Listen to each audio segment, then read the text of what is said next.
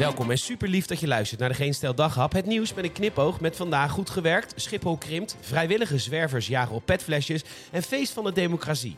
Nee, niet hier. Mijn naam is Peter Bouwman. Dit is het nieuws van zondag 25 september.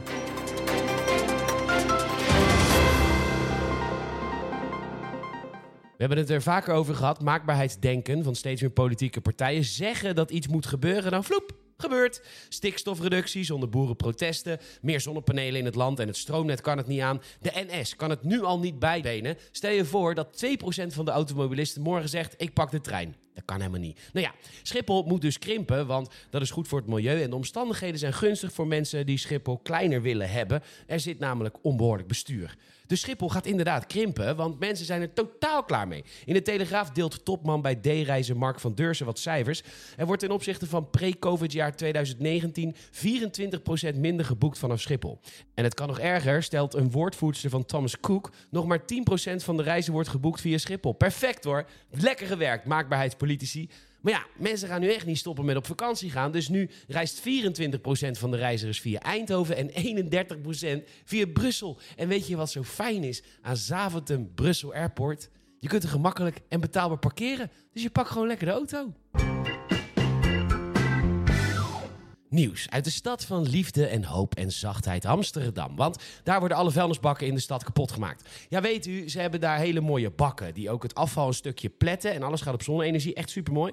Maar inmiddels zijn ook kleine plastic flesjes voorzien van statiegeld. En dat is niet alleen heel nuttig, want ik kom er nu pas achter hoeveel van die dingen ik eigenlijk gebruik. Maar ook voor zwervers is dat dus een inkomstenbron. Er wordt een hele luie zwerver aan het woord gelaten. Ja, ik zeg lui.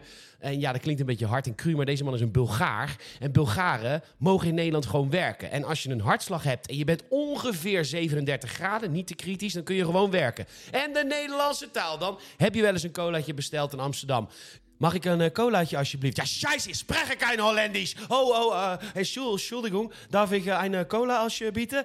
Bulgaar kiest ervoor om zwerver te zijn. Misschien is hij wel ziek. Ja, nee, hij is de hele dag aan het wandelen om die bakken leeg te maken. En dat levert hem elke dag rond de 16 à 18 euro op. Gast, ga gewoon solliciteren. Ja, nee, die vraag die wordt hem natuurlijk niet gesteld. Want dit is een verslag van het Parool. En die stellen nooit vragen. In de stad van liefde, hoop, homogeweld en zachtheid. Vandaag was het weer een feestje van de democratie. In Zwitserland. Want daar hebben ze het referendum. Uh, die hadden we in beperkte mate ook in Nederland. Dat wilde D66 graag. Totdat de Nederlandse bevolking zei: Oekraïne nog hechter met de Europese Unie. Misschien moeten we dat niet doen. En toen vond D66 het Nederlandse volk heel racistisch. Want uh, Oekraïne is een geweldige democratie. En uh, toen zei het Nederlandse volk: Nou ja, en de oligarchen dan, die daar zo'n vinger in de pap hebben met de macht. Racistisch, dom Nederlands kankervolk, zei D66 toen. En toen hadden we geen referendum meer.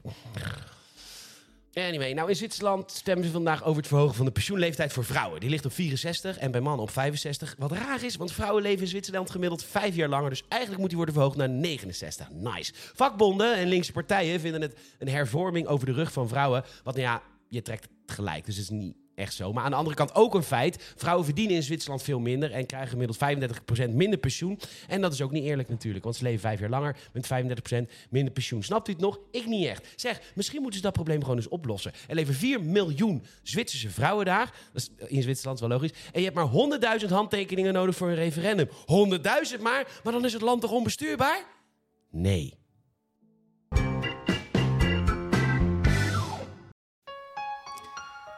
Ja, we wilden, ja. Ah, we wilden vandaag toch even eindigen met wat vrolijkers. Uh, babynieuws, ja. Want Alec Baldwin, en echt namens de gehele redactie van Geen Stijl, van harte gefeliciteerd Alec. Alec is uh, vader geworden van zijn zevende kindje met zijn 26 jaar jongere vrouw Hilaria. Het is echt een wolk van een baby. En het meisje heeft de naam Hilaria... Oh. Nou ja, je hebt er nog zes, hè?